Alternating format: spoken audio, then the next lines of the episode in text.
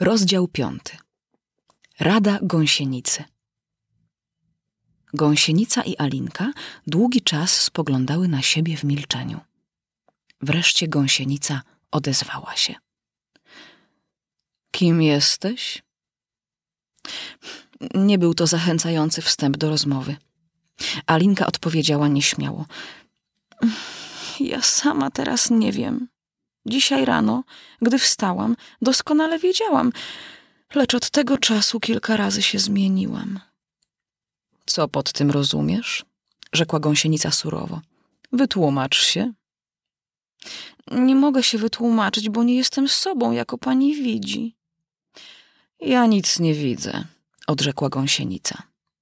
Lękam się, iż tego jaśniej wyłożyć nie potrafię, odparła Alinka uprzejmie, ale i sama tego nie rozumiem. Wiem tylko tyle, iż zmieniać wzrost tylekroć w ciągu jednego dnia, co ja, to rzecz nader przykra. To nie jest przykre, odparła gąsienica. Pani może tego osądzić nie może, lecz gdy zamienisz się w poczwarkę, a później w motyla, to przypuszczam, że tobie samej wyda się to nieco dziwne. Nie wyda mi się dziwne, zasyczała gąsienica. Zresztą może uczucia pani odmienne są od moich. Wiem to jedynie, że mnie w takim razie byłoby bardzo nijako. Tobie? pisnęła gąsienica wzgardliwie. Kimże ty jesteś? Alinkę rozgniewały te krótkie uwagi gąsienicy. Wyprostowawszy się, więc rzekła. Sądzę, że to ty przede wszystkim powinnaś mnie objaśnić, kim jesteś. Dlaczego? zapytała gąsienica. To była druga kłopotliwa kwestia. A gdy dziewczynka nie mogła znaleźć właściwego powodu, gąsienica zaś wydawała się coraz bardziej nadąsaną. Alinka zaczęła się oddalać. Wróć się, wołała za nią gąsienica. Mam ci coś ważnego do powiedzenia. To brzmiało zachęcająco. Alinka się wróciła.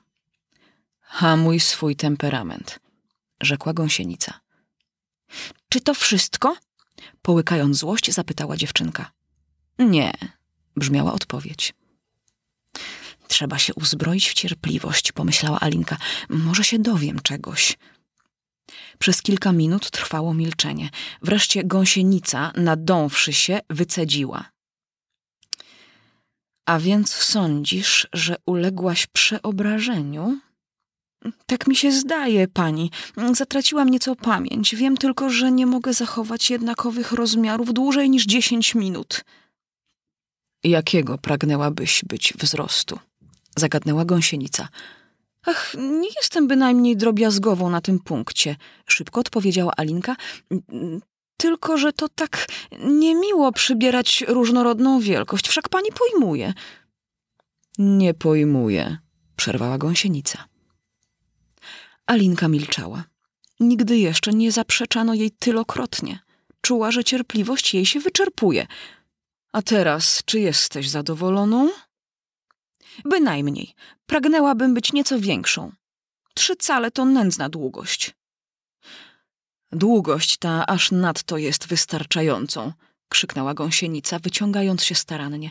Mierzyła w sam raz trzy cale. Lecz ja do tej miary nie jestem przyzwyczajoną, skarżyła się Alinka, czyniąc w duszy uwagę, iż zwierzęta nader łatwo się obrażają. Z czasem przyzwyczaisz się do tego, rzekła gąsienica, kończąc rozmowę. Po czym ziewnęła kilka razy, otrząsnęła się i zwolna z grzyba ześlizgnęła się na trawę, czyniąc tę jeszcze uwagę na odejściu. Jedna strona uczyni cię większą, a druga mniejszą. Jedna strona czego, druga strona czego? myślała Alinka. Grzyba, odparła gąsienica, tak jak gdyby dziewczynka pytanie swoje wypowiedziała głośno i zniknęła po chwili. Alinka w zadumie spoglądała na grzyb, chcąc sobie zdać sprawę, które będą jego obie strony, ponieważ grzyb był okrągły. Wreszcie obiema dłońmi otoczyła grzyb, o ile go mogła objąć, ukruszyła po ździebełku i liznęła cośkolwiek z prawej ręki. W tej chwili uczuła gwałtowne uderzenie. To jej głowa otarła się o nogi. Przestraszona tą nagłą zmianą zrozumiała, że nie ma czasu do stracenia. Malała bowiem w sposób zatrważający. Dla zaradzenia więc złemu zaczęła spożywać odrobinę grzyba z drugiej ręki, ale główka jej tak szczelnie przylegała do nóg, że zaledwie mogła usta otworzyć, jednak w końcu doprowadziła do tego, iż połknęła cząsteczkę okruszyny trzymanej w lewej rączce. No, nareszcie głowa moja jest wyswobodzona – rzekła Alinka z zachwytem, który niestety wkrótce w trwogę się zamienił, gdy spostrzegła, że w żaden sposób nie może się doszukać własnych ramion. Widziała jedynie nieskończenie długą szyję swoją, która niby stercząca łodyga wydobywała się z morza zielonych liści, ścielących się w znacznej od niej odległości. Gdzież się podziały moje ramiona?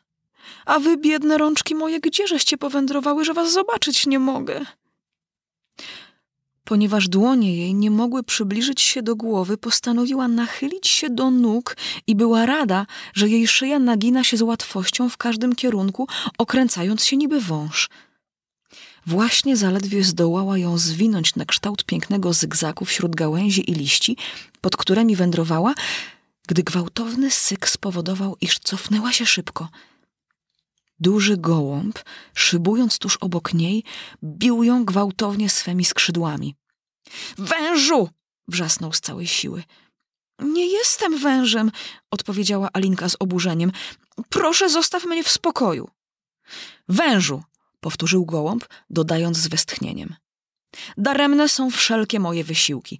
Wiłem gniazdo i u korzeni drzew, i na wybrzeżach, i u płotów. Wszystko na próżno. Przed wężem schronić się niepodobna. Nie dosyć trudu wysiedzieć z jaj dzieci, trzeba jeszcze stać na straży przed tymi gadami całe dnie i noce. Przez ostatnie trzy tygodnie prawie że oka nie zmrużyłem. I teraz, gdy wybrałem sobie najwyższe drzewo w lesie, sądząc, że się nareszcie od tych drapieżników uwolnię, one nie wiadomo skąd, chyba z obłoków, spuszczają się nagle na moje gniazdo. Brr, wężu, niedobry wężu! Zapewniam cię, że nie jestem wężem, zaręczała dziewczynka. Jestem. Jestem. A więc mów, kim jesteś nacierał gołąb. Silisz się, jak widzę, na jakieś kłamstwo. Jestem. Jestem małą dziewczynką. W ciągu mego żywota niejednokrotnie widywałem młode panienki. Żadna atoli nie miała takiej długiej szyi jak ty. Nie wmówisz we mnie, że nie jesteś wężem, bynajmniej temu nie uwierzę. Nie przeczę, że jestem zwolenniczką jajek, broniła się dziewczynka, będąc prawdomówną z natury ale teraz nie poszukuję jaj i nie używam ich na surowo. Niechaj i tak będzie, rzekł gołąb zadąsany, rozsiadając się w gnieździe na nowo. Alinka ostrożnie posuwała się wśród drzew. Szyja jej bowiem ciągle owijała się dookoła gałęzi. Co chwila też była zmuszoną przystawać, aby ją odwinąć. Nagle przypomniała sobie, że trzyma dotąd w ręku kawałeczek cudownego grzyba, Uszczknęła więc po okruchu raz z jednej, to znowu z drugiej strony, stając się na przemian większą albo mniejszą, aż nareszcie dosięgła dziesięciu cali wysokości. Po kilku minutach przywykła do tego wzrostu. No, nareszcie głowa moja jest wyswobodzoną. Zawołała dziewczynka, wydostając się na niewielką polankę. Toż to było okropne. Przed nią wznosił się jakiś ładny domek, mający około czterech stóp wysokości. Czytała Małgorzata Wojciechowska.